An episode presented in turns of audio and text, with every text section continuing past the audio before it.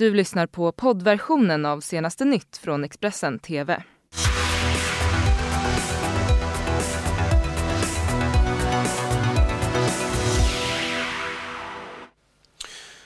Du tittar på senaste nytt. Det här är våra topprubriker just nu. Villabrand i Solna i natt. Uppringaren larmade om misstänkt detonation. Corona sprids. Tyskland nästa land som konstaterat sitt första fall av viruset. Och Tove Alexandersson tog storslam på Idrottsgalan. Jag välkomna till Senaste nytt. Det brann i en villa i Solna i natt eh, mot eh, tisdagen. Privatpersoner larmade polis och räddningstjänst om att man hört något som kan ha varit en detonation. Räddningstjänsten var på plats med personal från två stationer men har nu lämnat platsen. Polisen har inlett en förundersökning om allmänfarlig ödeläggelse. Det fanns inga vittnen till händelsen och det är oklart om det finns någon hotbild mot villan. Ingen person har skadats. Ja, Tyskland har nu fått sitt första bekräftade fall av coronaviruset, det rapporterar Der Spiegel. Myndigheter i Bayern uppger att en man i München har smittats. Han mår efter omständigheterna bra och har isolerats. Antalet smittade uppgår nu till strax över 2800. Över 2700 av dem finns i Kina men smittan har nu spridits vidare till ett dussintal andra länder. Den verkliga siffran på antalet smittade tros vara betydligt högre. Viruset har hittills krävt över 100 dödsoffer. På tio dagar så byggs nu två stycken sjukhus i Wuhan på grund av den extrema överbelastning som råder på sjukhusen efter att tusentals alltså blivit smittade av coronaviruset. Sjukhuset i Wuhan ska ha 2300 sängplatser och planen för detta är att man ska flytta alla patienter i Wuhan som är drabbade utav viruset hit för att på så sätt minska smittorisken. Här i Wuhan i Kina ska två sjukhus byggas på bara tio dagar. Ja, det råder kaos på sjukhusen i staden Wuhan som nu är så pass överbelastade på grund av coronaviruset att myndigheterna i provinsen Hubei beslutat att inleda projektet att bygga upp två nya virussjukhus på bara några dagar. I torsdags sattes arbetet igång med första sjukhuset. Där ska det finnas plats för tusen patienter. Dagen efter påbörjades sjukhus nummer två. Det ska ha plats för 1300 patienter. Det första sjukhuset ska öppna vilken dag som helst och båda sjukhusen ska vara i drift från och med den 3 februari. Det vi ser här är bilder som kommer från kinesisk statlig media.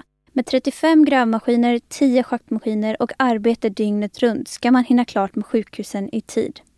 Resultatet ska alltså bli två nya sjukhus med 2300 sängplatser för de drabbade av coronavirus.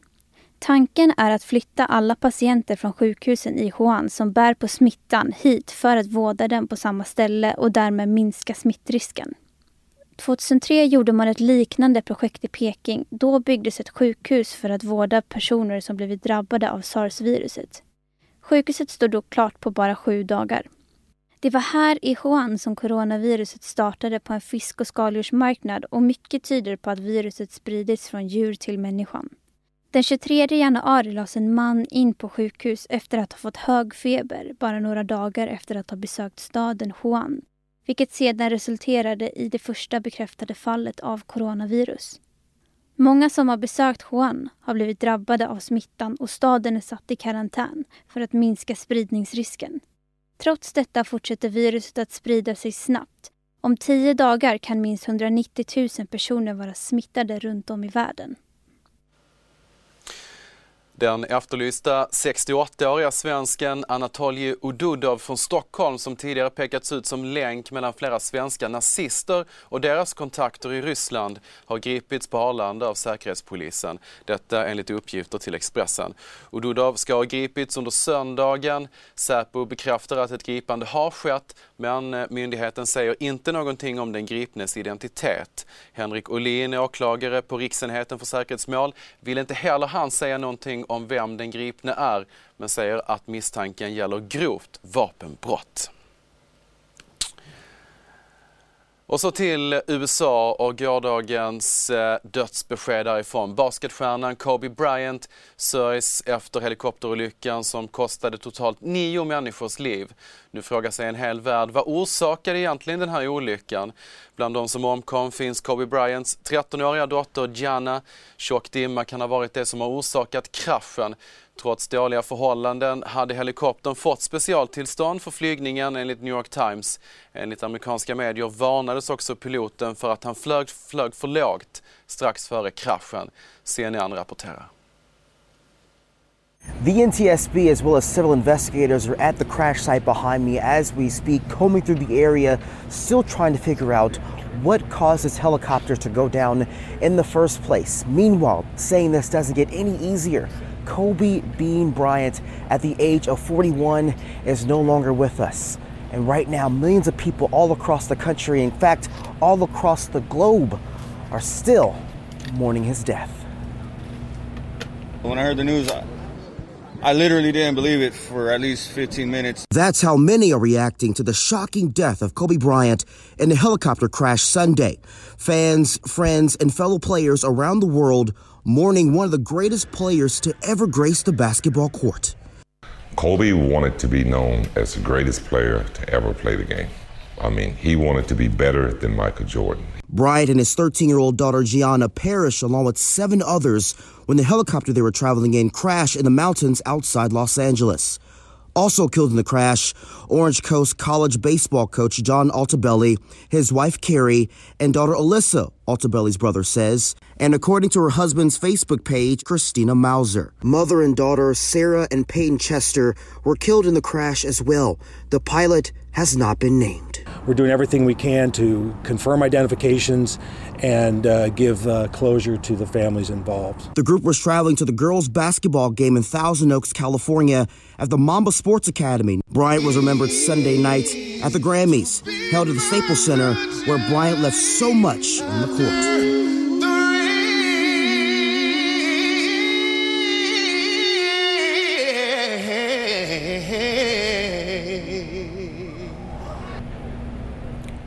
Now, Bryant was survived by his wife and three children, including a baby that was born just last June. The NTSB says this investigation could take days, weeks, and even months. Also, Kobe Bryant is eligible for the Naismith Basketball Hall of Fame this year.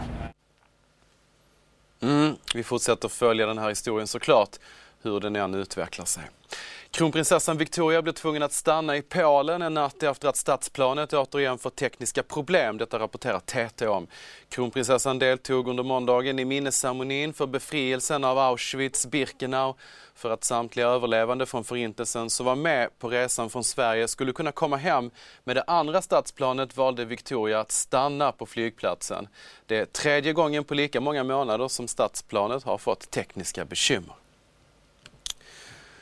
Snabbt eh, och lätt eh, utrikes igen då. Under måndagen så möttes USAs president Donald Trump och Israels premiärminister Benjamin Netanyahu i Vita huset.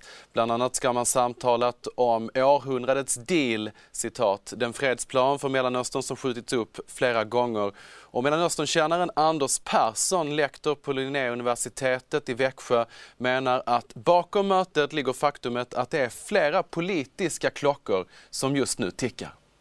Det är ju fredsprocessen som, eh, som är då på väg att nå sin höjdpunkt under Donald Trumps tid som president. Timingen är viktig här för att eh, det går ju mot val i USA. Ska det här komma ut innan, innan valet så är det dags att göra det nu. Sen är det såklart andra klockor som tickar samtidigt. Som, som jag sa, båda de här herrarna står inför val det här året. Och de står också inför personliga åtal. Trump för riksrätt då och Netanyahu för, för eh, för, för olika typer av för, för bedrägeri och trolöshet mot huvudman och så vidare. Och allt det skulle liksom eh, tröskas igenom i respektive parlament imorgon, just samma dag som det här mötet sker. Så det låter mer som att det är av PR-skäl nästan som de möts eh, inför stundande val i båda länderna, eller är det så man ska tolka det? Ja, men den aspekten finns där absolut. Men som jag sa så är det flera stycken politiska klockor som, som tickar samtidigt och man kan inte bortse från liksom, de personliga klockorna och de personliga skälen här. Vi vet ju om sen tidigare inom all politik att det är en beprövad strategi att fokusera på utrikespolitik när det är strul på hemmaplan i inrikespolitiken. Tove Alexandersson tog storslam igår på Idrottsgalan. Den 27-åriga orienteraren fick ta emot pris för bragdguldet, Årets kvinnliga idrottare och till sist även Jerringpriset. Alexandersson vann, vann överlägset mot tvåan Stina Nilsson som hon besegrade med 66 000 röster. Ja, Tove Alexandersson, en eh, succékväll för dig rent individuellt. Vad trodde du att det skulle gå så här bra? Eh, nej, det var svårt att eh, förvänta sig att det här skulle, skulle, gå så bra så det, nej, det var ganska omvälvande. Guldet visste du ju redan om, men vilket pris känner du liksom att väger tyngst? Nej men såklart så bragdguldet och Jerringprisen är ju de största utmärkelserna man kan få så det känns jättehäftigt. Hur eh, viktigt är det för orienteringen att få den här uppmärksamheten? Nej men det är såklart jättebra för orienteringen och att eh, fler eh, får se sporten och förhoppningsvis kan det locka fler att eh, börja utöva orientering. Vi såg din eh, pappa i publiken som såg ganska röd ut. Hur var det själv när du stod och höll tal?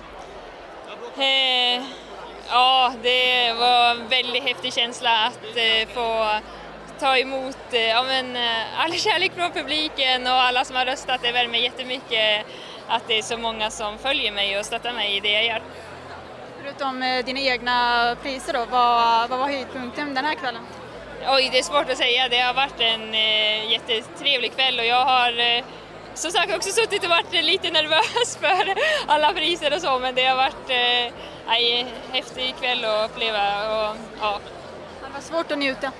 Eh, nej, jag har varit ganska bra på att njuta ändå och vara i nuet så det har varit bra ju ett ganska långt eh, skämtsegment här med några vassa skämt om eh, orienteringen som sport. Vad, vad tyckte du om det? Eh, nej, men jag tyckte ändå det var ett eh, ganska roligt inslag och eh, ja, det tyckte jag. Tror att det är så orienteringen liksom uppfattas av eh, gemene man? Eh, ja, men jag tror ju att det finns ju en hel del saker man kan skämta om på orientering och en del saker stämmer och en del saker stämmer inte så det får man ta.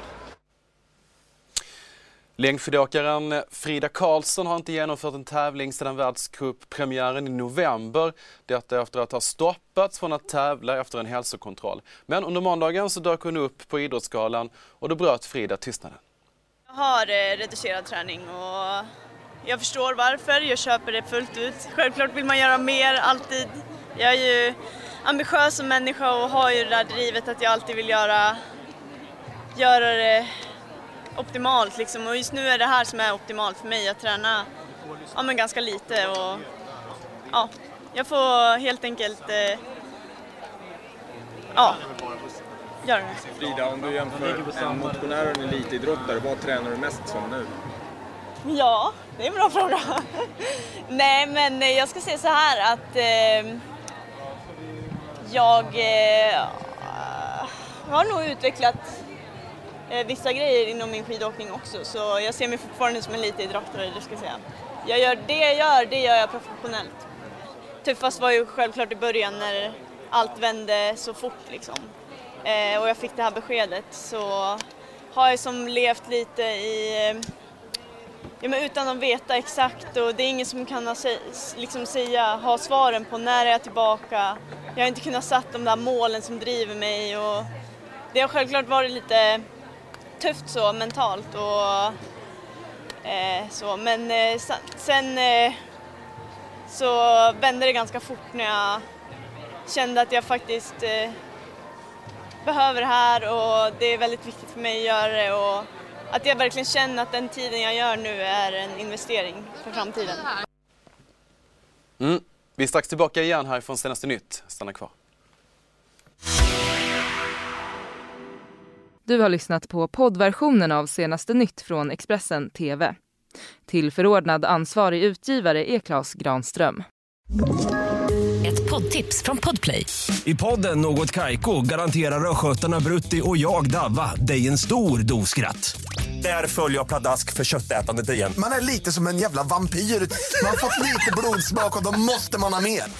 Udda spaningar, fängslande anekdoter och en och annan arg rant. Jag måste ha mitt kaffe på morgonen för annars är jag ingen trevlig människa. Då är du ingen trevlig människa, punkt. Något Kaiko, hör du på Podplay. Därför är gardinerna.